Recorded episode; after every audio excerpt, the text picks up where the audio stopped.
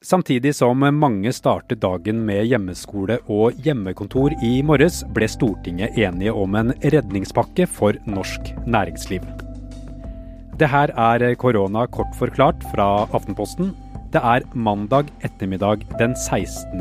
mars.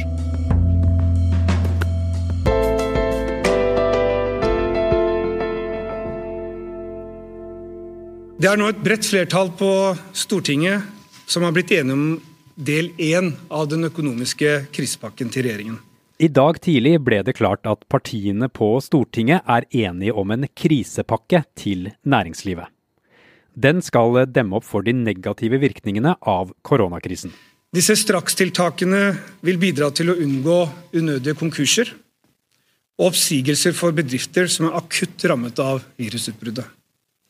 Og det er med på å sikre velferden til de som blir hardest rammet av krisen. Pakken styrker bl.a. rettighetene til de som blir permittert, og sikrer inntekt for selvstendig næringsdrivende. Foreldre som må være hjemme med barn, får også betalt i 20 dager istedenfor de vanlige 10. Stortinget oppretter også en egen komité som skal behandle saker som har med koronakrisen å gjøre.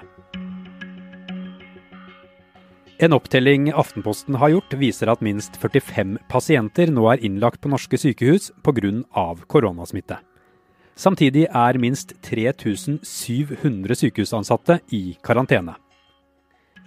Og over 1100 mennesker er nå bekreftet smittet i Norge. Og helsemyndighetene kommer med nye råd til dem som er forkjøla.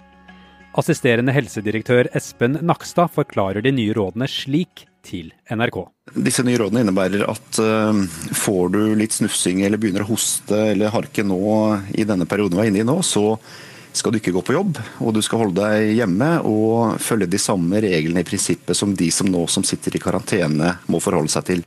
De anbefaler at du holder deg hjemme i én dag etter at du er blitt symptomfri. Stortingets krisepakke ser ikke ut til å ha noen stor effekt på Oslo Børs. Gjennom dagen i dag har hovedindeksen falt kraftig, og det samme har oljeprisen. Hanne Kristiansen, økonomijournalist i Aftenposten. Hva er det viktigste denne krisepakken hjelper til med for de som er rammet? Det viktigste denne nye krisepakken eh, gjør nå, er å sikre ikke bare arbeidsgiverne, men også arbeidstakerne, både lønnstakere og selvstendig næringsdrivende og frilansere. Eh, de nye tiltakene gjør bl.a. at alle lønnstakere får, som permitteres, får full lønn i 20 dager. Eh, staten tar en større del av den kostnaden, og, og grensen for å få dagpenger etter de 20 dagene er også senket. I tillegg så skal arbeidsgiverperioden for sykepenger reduseres i, altså når, når sykefraværet er knyttet til koronaviruset. Og særlig for den gruppen som, eh, som gjelder selvstendig næringsdrivende og frilansere, som jo er veldig økonomisk utsatt, og som tidligere har hatt mye mindre trygderettigheter enn lønnstakere, de, de sikres også i mye større grad i denne pakken her.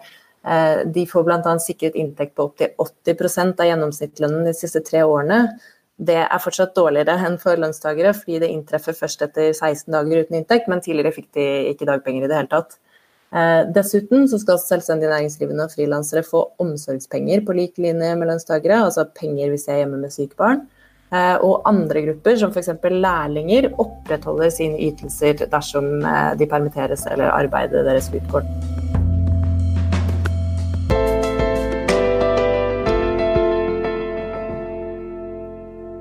Det her var korona kort forklart. En ekstra oppdatering hver ettermiddag om koronakrisen.